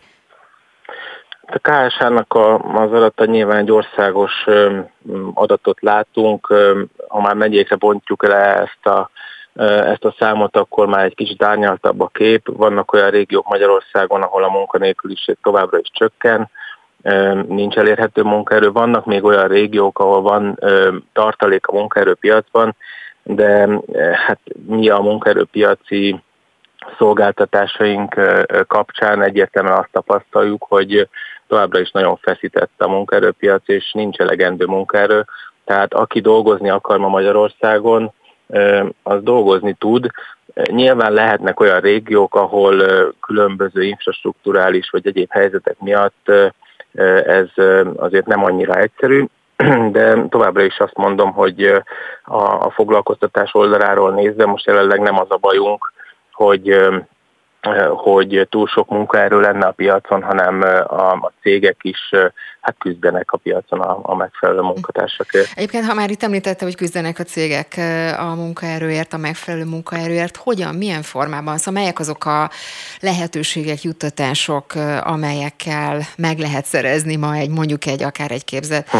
munkaerőt, szóval mivel, miként tudnak versenyezni, milyen juttatással, rugalmas munkaidővel, céges autóval, szóval melyek azok, amelyekkel ma a piacon Igen. ilyen értelemben jelen lehet lenni? Hát tapasztaljuk, hogy ahogy említettem korábban is, hogy folyamatosan emelkednek a bérek, tehát van egy bérverseny is a piacon, hiszen hogyha egy régióban nincs elérhető munkaerő, akkor a cégek próbálnak, próbálják a bérek emelésével magukhoz vonzani a munkaerőt, és kialakulhatatlanul egy bérverseny az adott régióban, de a bér az csak egy, egy kis szelete a, a, a munkaerőnek a, a céghez csábításához, hiszen sok más tényező is szerepet játszik, akár a bérenkívüli jutatások, akár a munkakörnyezet. Én azt hiszem, hogy mondhatjuk azt, hogy manapság az első és legfontosabb dolog az, hogy megtartsuk a, azt a munkaerőt, amivel már rendelkezünk, és és aztán jöhet az, hogy újakat toborozzunk, és ez is egy komoly kihívás elé helyezi, állítja a cégeket. A megtartásnál viszont azt mondom, hogy minden egyes cégnek saját maga kell, hogy felmérje az erősségeit, gyengeségeit, és ami éppen nem annyira jól működik az adott cégben, azon változtatni kell. Itt olyan tényezők is bejönnek, hogy milyen a szervezeti kultúra, milyen vezetők dolgoznak a vállalatnál. Egy-egy eh, munkatárs, amikor új munkahelyet választ, akkor valószínűleg azért a, a bér az ott szerepel az első között, de az, hogy ott marad-e az adott munkahelyen, az már nagyon sok más tényező. Hát igen, pont ezt akartam kérdezni, hogy hogyan lehet megtartani, mert ezek szerint, hogyha könnyen mozoghatnak az emberek, mondjuk találnak máshol igen. munkát könnyedén, akkor lehet, hogy, hogy el is mennek. Szóval hogyan lehet megtartani a munkaerőt? Akkor hát törődni, igen, törődni kell velük. A legfontosabb, én mindig azt mondom, hogy meg kell kérdezni a munkavállalókat, hogy hogy érzik magukat a munkahelyen, mi az, amivel elégedettek, mi az, amivel nem, és ezekre a, a visszajelzésekre reagálni kell. Olyan munkahelyet, olyan munkakörnyezetet kell építeni, amelyben a, a munkavállalók szívesen dolgoznak, szívesen járnak be dolgozni, motiváltak, megtalálják a kihívásokat, és ebben az esetben pár százalékos bérkülönbség miatt nem fognak váltani a másik céghez. Hogy kérdezek már klasszikusat, ugye itt a, a bérekről beszélgettünk, a férfi és a női bérek közötti különbség, hát ugye nagy, nagy klasszikus, tényleg régóta szó van róla, itt látható bármilyen változás, és ez például a, akár a, a munkájváltoztatásnál mennyire számít, vagy számíthat? Vagy egyáltalán csökkentek-e a különbségek? Mondjuk, hogy ugyanazért a munkáért a nők uh-huh. még mhm. mindig kevesebb ért kapnak. Én azt gondolom, hogy a, a maga az, hogy egy ilyen munkaerőpiaci helyzetben vagyunk, a, amelyben ugye minden munkaerőre szükség van, ez jót tesz ennek a, ennek a helyzetnek, és mi azt látjuk, hogy ez, ez, ez valóban csökkent. Tehát az, az orló szűkül. Most már nem, nem az a kérdés, hogy egy, egy nőt vagy egy férfit veszünk fel az adott pozícióra, hanem az, hogy legyen megfelelő kvalitású és megfelelő kompetenciával rendelkező munkatársunk. Úgyhogy én azt hiszem, hogy a cégek most már nem ezt helyezik előtérbe, és nem azon De van még különbség a, a női és a férfi bérek között ugyanazért hát Most így nem tudom megmondani. Én nem tapasztalom azt, uh-huh. hogy most egy-egy kereséskor ez kritérium lenne, hogy akkor én most női munkavállalót szeretném, az olcsóbb lesz. Tehát ez, ez, ez nem így működik már a munkaerőpiacon. Uh-huh. A, még két dolog, ugye itt a Magyar Bank Holding közzétett egy kutatás, vagy véleményt azzal kapcsolatban, hogy úgy látják, hogy a munkaerőpiacot még nem érintette része a gazdasági helyzetnek a romlása, és hogy ő elég jóknak látják, hogy jó a helyzet a magyar munkaerőpiacon, ugyanakkor meg nagyon sok helyről azt halljuk, hogy nagyon sok költségmegtakarítást kell a különböző cégeknek véghez vinni azért, hogy ugye az áremelkedések miatt működőképesek maradjanak, és emiatt ugye egyre nehézkesen megtartani a munkaerő. Szóval ezek a folyamatok hogy, hogy jönnek össze?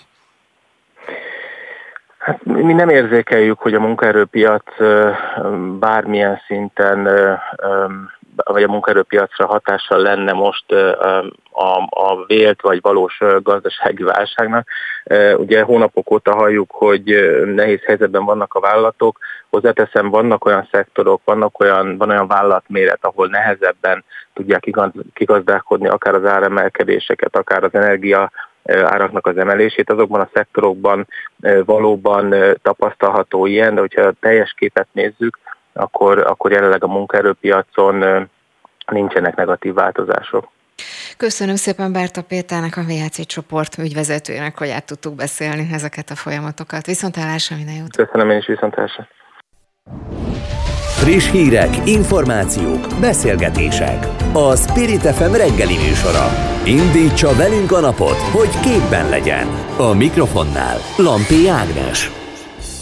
Jön az új infláció követő állampapír. Árgyalán Ágnest a portfólió elemzőjét kérdezzük a részletekről. Így van, jó reggelt kívánok! Jó reggelt kívánok, üdvözlöm a hallgatókat is. Uh, ugye az, az itt a hír, hogy infláció követő ez az állampapír. Ez ennyire ritka, hogy infláció követő az állampapír? Ugye Magyarországon lakossági állampapírok között találni ilyen infláció követő állampapírokat. Nem, a, nem ez az egyetlen ugye ilyen állampapír, ami megvásárolható a lakosság számára, hanem ugye ott van a babakötvény is, ami szintén infláció követő, illetve ugye ott van az euró alapú állampapír is. Igaz, ugye ott most már a, a régi infláció követő sorozat az már, az már ugye nem kapható, és ami most kapható eurós sorozat, az lényegében igazából már nem is infláció követő, hanem a, az Euribor kamatozását követi le. Uh-huh. Ugye ön írt egy, a portfolio.hu ezzel kapcsolatban egy, egy cikket, már mint ezzel a új infláció követő állampapírral kapcsolatban, és úgy kezdődik a cikk, hogy mérföldkőzért a magyarok már kedvenc lakossági állampapír, ez a bizonyos prémium magyar állampapír, amelynek az állománya átlépte az 5000 milliárd forintot, és hogy ezzel már közel ugye háromszor annyi megtakarítást vagy megtakarítással tart itt a lakosság, mint a hajnali szuperállampapírban. Ez azt jelenti, hogy van tartalék, a, van, van tartalék, amiben, amiben befektethetnek az emberek? Mert ugye mindig ez a kérdés ezzel kapcsolatban. Hát igazából azt lehet látni ö, jobban, hogy átrendeződik a lakosság állampapírpiac, tehát ami megtakarítás volt eddig például a Magyar Állampapír Pluszban, az ugye szépen lassan kezd onnan kicsordogálni, hiszen ugye ilyen inflációs környezetben sokan inkább ezt a prémium állampapírt keresik, és, és inkább azt lehet mondani, hogy a, a MÁ Pluszból átáramló pénzek jelennek meg leginkább a prémium állampapírban. Nyilván vannak benne új befektetések is, de inkább az átrendeződés az, ami, ami dominál. Uh-huh. És ennek az átrendeződésnek melyek a fő sarokpontjai, már mint ami a, az emberek szempontjából érdekes lehet. Szóval mennyit nyerhetnek rajta, nyilván mindenkit ez izgat. Ugye nyilván azt lehet látni, hogy a, a Máplusz ugye korábban, még pár éve, amikor gyakorlatilag nullás kamatkörnyezet volt, ugye nagyon népszerű papír volt, hiszen 5% az, az nagyon magas kamatnak számított. Ugye most, hogy az infláció elég durván felemelkedett, és ugye a kamatkörnyezet is ezzel, ezzel párhuzamosan szépen felfelé ívelt, az emberek ugye azt látják, hogy nem érdemes a Mápluszban megtakarítani, hanem érdemesebb ugye átsúlyozni az infláció követő állampapírokba. Nyilván ugye ez a logikus, meg racionális lépés, hiszen ugye az infláció követése gyakorlatilag valamilyen szinten meg lehet őrizni a megtakarításoknak a reálértékét. Nyilván ez nem teljesen fedi a valóságot, hiszen a prémium állampapír is nagyjából egy éves késéssel követi le ugye az inflációt, tehát valamennyit azért ugye nyilván így, így veszítünk a, a pénzünkből, még így is, hogy egyébként infláció követő az állampapír. Uh-huh.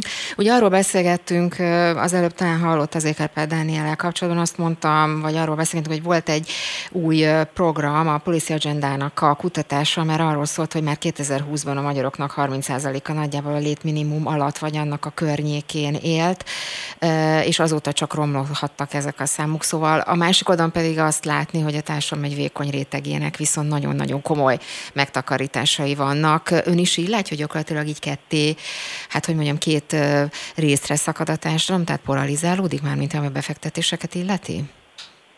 Igen, a létminimum felett meg alatt, hogy azt nem mondanám, hogy az én szakterületem, és pontosan hányan élnek alatta vagy felette, annyit nyilván látunk a, a megtakarítási oldalról, meg az állampapírok oldaláról is, hogy hogy nyilván ugye a, a, a privát banki ügyfelek, vagy a prémium banki ügyfelek azok, akik elsősorban ebben megtakarítanak, tehát nyilván azok a magyarok, akiknek van már valamekkora megtakarítása. Tehát nyilván náluk jellemzőbb az ilyen típusú megtakarítás. Uh-huh. Mire számít itt az új állampapír kapcsán, mekkora kereslet lehet ezzel kapcsolatban, hogy így kérdezzem? Ugye nyilván én nem tudhatom, hogy milyenek lesznek az értékesítési számok, de azt látjuk, hogy vagy az arra lehet esetleg számítani, hogy ameddig az infláció magasabb szinten van, és a kamatok is ugye magasabb szinten vannak, addig ugye ez a papír lesz az, ami a leginkább keresett lesz a lakossági papírok között, tehát vélhetően magas lesz rá továbbra is a kereslet. Mhm. Akkor csak egy gyors kérdés még a végére az inflációval kapcsolatban, ugyanis említi, hogy ennek kult szerepe van a mozgások szempontjából. Ön hogy látja a tendenciákat, hogy mennyire van rá esély, hogy fordulóponthoz érkeztünk, és innentől kezdve az infláció mértékének a növekedése, tehát hogy csökkenni fog az infláció magyarán, erre akarok rákérdezni, és hogy év végére akár egy számjegyű lehet. Hát ugye, ahogy ön is elmondta az előbb, ugye a piaci szakértők azt látják, hogy azt gondolják, hogy már vélhetően elérhettük az inflációs csúcsot, és talán most már egy, egy fordulatnál vagyunk, elkezd szépen lassan lefelé csordogálni ez a szám azt várja a kormányzat, meg ugye azt várják az elemzők is, hogy talán év végére valóban egy számjegyű lesz már az infláció, aztán ugye meglátjuk, hogy mit az az élet. Ágyalán Ágnesnek a Portfolio.hu elemzőjének köszönöm szépen, hogy tudtunk erről beszélni. Viszont hallásra minden jót! Viszont hallásra! Spirit FM 92.9 A nagyváros hangja. A nagyváros. A Magyar Máltai Szeretett Szolgálat együttműködésével elindult a Töltsük Együtt című függőség podcast. Kovács András Péter azzal a célral indította el a műsort, hogy közérthető módon dolgozza fel a még ma is tabunak számító függőség témáját. Kovács András Pétert kapcsoljuk. Így van, aki már itt is van velünk. Jó reggelt, szia! Jó reggelt kívánok, köszöntöm a hallgatókat, szervusz! Na kezdjük akkor ezzel, hogy függőség podcast, szóval hogy jött az ötlet, és miért pont a függőség? Rögtön egy, még, még, még mielőtt itt kezdjük, még egyel előrébb hadd kezdjem, hogy ugye töltsük együtt, ez, ez a cím hangzott el. Most Igen. kerül egy kis pontosításra a, a, a cím, és bár ugye már három adás lement, de most a végleges cím úgy néz ki, hogy az lesz, hogy töltsd velünk, úgyhogy ezen a címen fogja megtalálni a, a, a kedves közönség, úgyhogy előre is elnézést, meg utólag is. A, a, a, a függőség kérdése pedig úgy jött, nagyon egyszerű, hogy én családommal érintett vagyok, én egy alkoholfüggő családon felnövő mm. gyermek vagyok, amit már többször Igen. több helyen elmondtam, és ugyanúgy, ahogy nekem gyerekkoromban döbbenet volt, tehát nem is volt döbbenet, hanem, hanem hát gyerekkoromban ez egy teljesen családon belül is tabusított téma volt, és irodalmát, vagy különböző fórumait, vagy helyeket, ahova fordulni lehet, nem is találtam, és eszembe se jutott keresni, ugyanígy gondolom, hogy ma is nagyon sokan élnek így együtt, akár a saját szenvedélyükkel, akár szenvedélybeteg hozzátartozókkal, és egyszerűen az volt a cél, hogy a, a, a fejekben egy kis világosságot gyújtsak, hogy ebből van kiút. És Igen, van ez nagyon-nagyon fontos, amit mondasz, hogy még ma is tabunak számít mindez, mert talán ez a fő kérdés, hogy hogy lehet ezt a kérdést feloldani, hogy lehet világosságot vinni a, a fejekbe, szóval hogy lehet ezen, ezen változtatni, mert te is mondtad, évek óta, sok-sok éve uh-huh. ez a helyzet, hogy nagyon nehéz ezeket a tabukat feltörni. Szóval hogy látod, hogy hogy lehet, mi a módja, formája ennek? Hát beszélni, beszélni, beszélni, folyamatosan beszélni, meg, meg fenntartani, napirenden tartani a témát, hogy, hogy egyszerűen az emberek hozzászokjanak, hogy erről igenis lehet szó. És ugyanúgy, ahogy nem tudom én például beszélünk arról, hogy hogy kell valakit újraéleszteni nyáron, ugye, tehát ahogy, ahogy ezt megtanuljuk, ugyanúgy meg kell tanulnunk azt is, hogy, hogy hova fordulhatunk, és, és kitől, kiktől kérhetünk segítséget, mhm. akár érintettként, akár hozzá. Ugye együtt csinálod mindezt a Máltai szeretett szolgálata. Feltételezem, de kérdezem, hogy súlyosabbnál súlyosabb történetek, sorsok kerülhetnek elő. Mit tapasztalsz, hogy mennyire nyitottak az emberek arra, hogy erről beszéljenek? Azért kérdezem ezt, mert általában pont nyilván te is ezt feszegeted, a, a zárás, a bezárkózás az első reakció, és nagyon-nagyon nehéz megnyílni. Szóval miket tapasztalsz, mennyire nyitottak erre az emberek akár? Én azt tapasztalom, hogy úgy álltunk ennek az egész podcastnak neki, hogyha már egy emberen segítek vele, hát segítek, hát nem én segítek, mindig, mindenki saját magán segít, de hogyha már egy embert el tudunk indítani a gyógyulás útján, akkor már megérte, és ahogy kikerült a podcast, rá három órára kapta az első e-mailt a Magyar Mátai Szeretett Szolgálat. Egy fiatal embertől, aki írta, hogy neki úgy érzi, hogy gondjai vannak fiatalkora ellenére, és már akkor úgy éreztem, hogy akkor, akkor már megértem, mert akkor hallgatják, és sikerült jó helyre is becsatornázni a segítségkérőket. Úgyhogy, úgyhogy nyilván hozzám annyi visszajelzés nem jut el, de biztos vagyok benne, hogy akiknek kell, azok hallgatják, Nyilván ez nem egy olyan téma, amit az ember vezetés közben ilyen könnyed csacsogásként elhallgat háttérzajként, úgyhogy nyilván azok hallgatják, akiknek erre tényleg szükségük van, viszont biztos vagyok benne, hogy ők megkapnak minden információt, és el tud kezdődni egy párbeszéd. Ugye szakemberekkel beszélgetsz ezzel a témával kapcsolatban, milyen függőségek kerülnek elő, vagy, vagy milyen szempontrendszer alapján beszélgettek erre? Azért kérdezem, mert hát nyilván nagyon sokféle, Igen. sok típusú függőség van, ezt hogyan dolgozzátok fel? Kezdjük a, a, a szerfüggőségekkel, ugye az alkohol, mint a legelterjedtebbel, és utána a különböző tudatmódosító szerekkel, és utána sorra vesszük az egyes viselkedés függőségeket is, nem tudom én, a szexfüggőséget, játék, szerencsejáték függőséget, munkafüggőséget, fitness függőséget.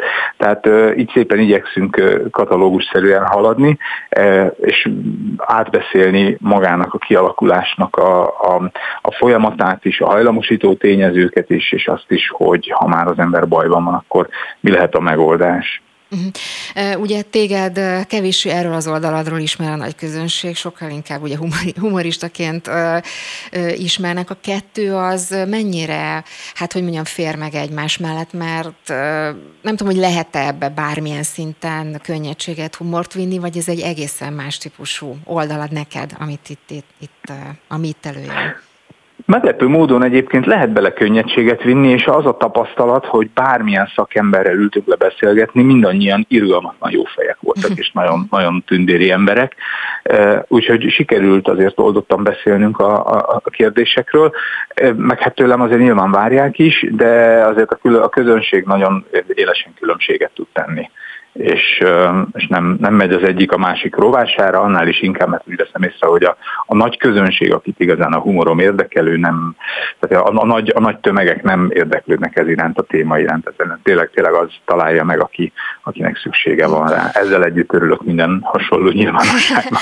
Ugye ez a, még egy dolog, hogy említetted, hogy hozzád mondjuk a, a hallgatói visszajelzések nem annyira érnek el, na de azért mégis nyilván fontos, hogy esetleg, ha jönnek visszajelzések, kérdések, akkor ennek alapján alakítjátok, vagy változtattok mondjuk a, a tematikán, vagy ez egy előre meghatározott menetrend szerint haladtok egy, előre? Egy, egy évadnyi anyagot fölvettünk, ezt nem akarjuk így korlátlanul minden héten évekig csinálni, mert akkor el, el a figyelmet, de egy ilyen 10-12 adást évadonként tervezünk, uh-huh. és egy évadnyi anyagot már bőven fölvettünk, már szinte a következő évadnyit is, de sorra jelentkeznek olyan emberek, szakemberek is egyébként, meg sorra jönnek olyan civil visszajelzések is, amik újabb és újabb szempontokat hoznak be, úgyhogy lesznek még ebben bőven évadok. Hát ráadásul ugye tényleg, ahogy itt beszéltünk meg, ahogy te is említetted, úgymond gyakori, finoman szólva, nagyon sokaknál előfordul. Hogy látod, hogy mennyire hát hogy kérdezem, mondjuk így a társadalomnak mekkora rétegét érintheti ez, vagy mennyire sokakat érint ez az egész ügy a különböző függőségek területén, vagy ezt egyáltalán nem lehet ilyen formában be meghatározni? Hát nehéz, nehéz megmondani, alkoholizmusról vannak számok, nyilván kábítószer függőségről nehéz, mert ugye csak azokról tud nak hivatalosan, akik bekerülnek az ellátórendszerbe, egyéb függőségeknél, munkafüggőségnél, fitness függőségnél, ami kimondottan a társadalom által támogatott függőség, ugye senki, tehát még hátba is veregetik érte az embert, ott, ott pláne nehéz becsülni, de én egyébként azt gondolom, hogy mindenki ilyen vagy olyan módon, akár a hozzátartozói révén, akár egy nagybácsi révén, akár közvetett hozzátartozók, vagy közvetlen hozzátartozók révén szerintem Magyarországon így vagy úgy mindenki érintett benne, és vala, valamilyen módon, akár közvetett módon is valahogy elszenvedője. Uh-huh. Kovács András Péternek köszönöm szépen, hogy tudtunk beszélni, és hát remélem, hogy akkor minél több emberhez eljutnak ezek a beszélgetések, tanácsok, és egyre kevésbé lesz tamó ez a téma. Köszönöm szépen, hogy tudtunk beszélni róla. Köszönöm szépen én is a lehetőséget. Szervusz! Spirit FM 92.9 A nagyváros hangja. A nagyváros. Na, hogy nagyváros hangja, ez is biztos, de nem csak a nagyváros hangja következik majd, hanem Somogyi Solymos Eszter hangja is, mert hogy arról fogunk beszélgetni. Elvileg böngésznénk, Igen. mert hogy böngésző következik, úgyhogy megnézzük, hogy milyen friss hírek, információk vannak az éterben. Szia, jó reggel! Szia, jó reggelt, úgy néz ki, még nagyon reggel van. Ha már függőséggel fejeztétek be az előző beszélgetést, akkor a femina.hu-ról hoztam egy ide csatolható kis hírt és cikket. Manapság sokat beszélünk beszélünk arról, hogy az emberek már-már kényszert éreznek, hogy mindenhol képeket, posztokat és különböző online tartalmakat gyártsanak. Ezzel kapcsolatosan volt egy kisebb botrány a Glamour gálán is, hiszen először Tatár Csilla fakadt ki az Instagram, Instagramon, azóta már törölt posztjában azt írt, hogy sokan végig csak azzal foglalkoztak, hogy egymással beszélgessenek, szelfizzenek, és különböző médiatartalmakat készítsenek. Felháborodott azon, hogy úgy látta egyesek számára az esemény nem a munka tehet, tehetség és szorgalom ünnepléséről, hanem a magamutogatásról szólt, Később mások is megerősítették ezt az érzetet, hogy nem volt túl etikus és szép húzás, hogy a diátadók során nagyon sokan egyáltalán nem foglalkoztak azzal, hogy mi, fog, mi történik a színpadon. Csak hogy elkészítsék az aktuális szelfit. Csak hogy megcsinálják a különböző szebbnél szebb fotókat. Lilu is írt ezzel kapcsolatosan, egyébként ő is emellett állt, hogy ez érdekes volt. Bár egyébként volt, aki azt is fölvetette, hogy ez a különböző influencerek beengedése a rendezvényre is egy-egy egyik ok volt, hogy, hogy ebbe az irányba menjen el Én a hangulat. egyébként ezen annyira nem vagyok meglepődve, szerintem ez a jellemző már. Sőt, hát csak nem szabad szerintem elfogadni. Hát nem, nem, nem, most nem azt mondtam, hogy elfogadtam, csak azt mondtam, hogy nem lepődtem meg rajta, mert tényleg ez a jellemző, hogy főleg az ilyen típusú hogy mondjam, celeb eseményeken más se látunk, mint selfie-selfie hátán. Ki kivel tud találkozni, ki kivel tud szelfizni, hány lájkot kap, hány megosztást és egyebeket, úgyhogy ez ilyen szempontból mm, azon lettem volna meglepődve, ha nem így történik. Ha nem így történik, igen. Mondom. De lassan ugye a munkát is már ez alapján értékelik és osztályozzák, hogy ki milyen számokat hoznak, de mindegy is a Forbes.hu-ra evezzünk át egy kicsit komolyabb téma, méghozzá az, hogy a Kressz több módosítása is életbe léphet hamarosan. Felmerül a kérdés, hogy ez miért is lehet nagyon izgalmas. Azért, mert a tervezet, mely az elektromos rollerek helyzetét is rendezi, már elkészült, és átkerült a Lázár János vezette közlekedési minisztériumhoz, és ennek apropóján a szakemberek azt gondolják, hogy az elektromos rollerekre vonatkozó szabályozás illeszkedni fog ugye az uniós nagyvárosokban már életbe lépett formulához, és 25 km per óra lesz a jármű végsebességét, tehát az lehet a maximum, azt nem haladhatja meg, ha igen, akkor már segédmotoros kerékpárnak minősül. Na már most a segédmotoros kerékpárhoz mi kell? Jogosítvány. Meg. Meg bukósisak. És kell hát nyilván... Kell jogosítvány, remélem jól mondtam. Nyilván ezek az elektromos roller bérbevételek, ezek nem úgy mennek, hogy te otthonról elindulsz a bukósisakoddal, és akkor fölkapod a rollert, tehát ezért sokan azt gondolják, hogy ez, ez majd egy kicsit be fog bukni, hogyha ez tényleg így lesz, mert nem életszerű, hogy bukósisakkal együtt indulj el otthonról. Vagy hát lehet még csak most nem életszerű. Hát figyelj, végül is elvileg kell, mert hogyha biciklizel, akkor is kell, hogy legyen nálad bukós isak, sőt mindig kell. Hát, hát igen. kérdés, hogy persze elviszed de magaddal. Na, akkor egy friss tanulmány a népszavából, biztos láttad te is, hogy Magyarország az egyedüli EU tagállam, ahol strukturálisan sérül az akadémiai szabadság. Ezt állapítja meg az EP felkérésére készült friss tanulmány. Ma mutatnak be egyébként a képviselőtestet kulturális és oktatási bizottságában az Oszló Egyetem kutatói leszögezték, hogy bár minden uniós tagállamban fenyegetik veszélyek az akadémiai szabadságot, Magyarország az egyetlen, ahol ennek strukturális megsértése tapasztalható. Hát kíváncsi vagyok majd a magyar kormány reakciója hogy erre ezzel kapcsolatban. Mit fog mondani. Igen. Ami még érdekes, hogy Lázár János építés és beruházási miniszter egy interjújára reagált Vitézi Dávid, miután meghallotta a miniszter. Pont a kapcsolatban, nem? Így, ö, nem, hanem ö, itt most az Index.hu a budapesti beruházások kapcsán adott ja. észrevételére reflektált, mert mert hogy azt mondja, hogy a közlekedésért is felelős miniszter elkaszált ugye a nyugati pályadvar megújítására tett kísérletet, ami közvetlen uniós forrásból valósulhatott volna meg. Vitézi Dávid szerint éppen egy évvel ezelőtt hirdették ki a pályázat győztesét, amelynek eredményeként megújulhatott volna ugye a nyugati pályaudvar és a vasút kínálat is bővülhetett volna a pályaudvar kapacitásának duplájára növelésével, de hát el lett ez a projekt kaszálva, a pénz meg lett volna rá, úgyhogy ez nem azt mutatja, hogy úgymond tudnának itt haladni az ügyek. Ahogy az is érdekes Vitézi Dávid szerint, hogy hiába van a pályador Budapesten, nem csak ugye a fővárosiak használják. A korábbi államtitkár bizik benne, hogy mielőbb sikerül ezen a mesterséges főváros vidék szembeállításon túllépni, mert szerinte a vasúti hálózat fejlesztése ilyen logikán egész egyszerűen nem tud eredményes lenni. Látszik szerintem már egy ideje, hogy Vitézi Dávid és Lázár János nem mindenben ugyanazon. Ó, de szépen finoman fogalmaztál, hogy nem minden a... azon a platformon igen, vannak. Igen, igen. Hát ez azt hiszem, hogy tényleg egy eufémisztikus megfogalmazás. Ugye nagyon-nagyon komoly ellentétek voltak kettei között, hát ugye Vitézi Dávidnak a visszavonulása is erre is visszavezethető természetesen. Hát aztán ugye majd változhat, mert ugye Lázár János hát sok tekintetbe változtatta, hogy aztán a beruházások hogyan alakulnak. Ugye éppen, hogy volt egy találkozó, ugye ebben az interjúban arról is beszél, hogy Karácsony Gergelyel is találkozott, van, és hogy úgy egyeztetek is, hogy azt mondták, hogy konstruktív lesz az együttműködés. Hát ugye azt tudjuk, hogy Karácsony Gergely pont a beruházásokért szássikra, úgyhogy azért lesznek itt még szerintem Ütközések. egyeztetések és ütköztetések, igen. Érdemes lesz figyelni, hogy a tagjelölés lesz a Magyar Nemzeti Banknál, de nem mennék ezekbe a részletekbe bele, mert majd ma úgy is kiderül, hogy mi fog történni. Viszont egy kis laza hírrel zárnám. Múlt héten megcsillant a tavasz, és megcsillant a nőkben a vészlámpa, hogy hamarosan itt a fürdőruhás bikini szezon. A borsonline.hu-n olvastam ezzel kapcsolatosan egy cikket, hogy a citromleves kávé furcsa, kevésbé gusztusos kombinációnak tűnhet, viszont a hatékonysága a dietetikusok szerint garantált, fogyhatsz tőle. Mondd még egyszer, minek a citrom? Citromlé és kávé kombinációja. Tehát, hogy egyszerre? Így van, a kávéba hogy... citromlevet öntesz, nem tejet, cukrot, ami ugye a plusz kilókat elősegíti, hanem citromlevet öntesz bele, úgyhogy így ezzel zárjuk az ébresztő reggelt. Furcsa azért, kombináció. Ezt azért meggondolom. Hát kíváncsi vagyok, hogy a hallgatóink így fogyasztják-e majd a, a reggeli kávéjukat. Ha igen, akkor kíváncsi vagyok, hogy mit tapasztalnak. Hatásos-e? Hatásos-e vagy nem. Minden esetre köszönöm szépen Somodi János Eszternek a reggeli lapszemét, meg természetesen a mai műsor szerkesztését, Bornem Mr. Lőrincnek köszönöm szépen a technikai segítséget, önöknek pedig köszönöm szépen a ma reggeli figyelmet is. Holnap a, a szokásos időben reggel 7 órakor kezdődik az aktuál, ahol ez már lenni szokott, így van, Róna Jegor lesz a műsorvezető, én pedig szép napot kívánok önöknek, Lampi Ágnes hallották.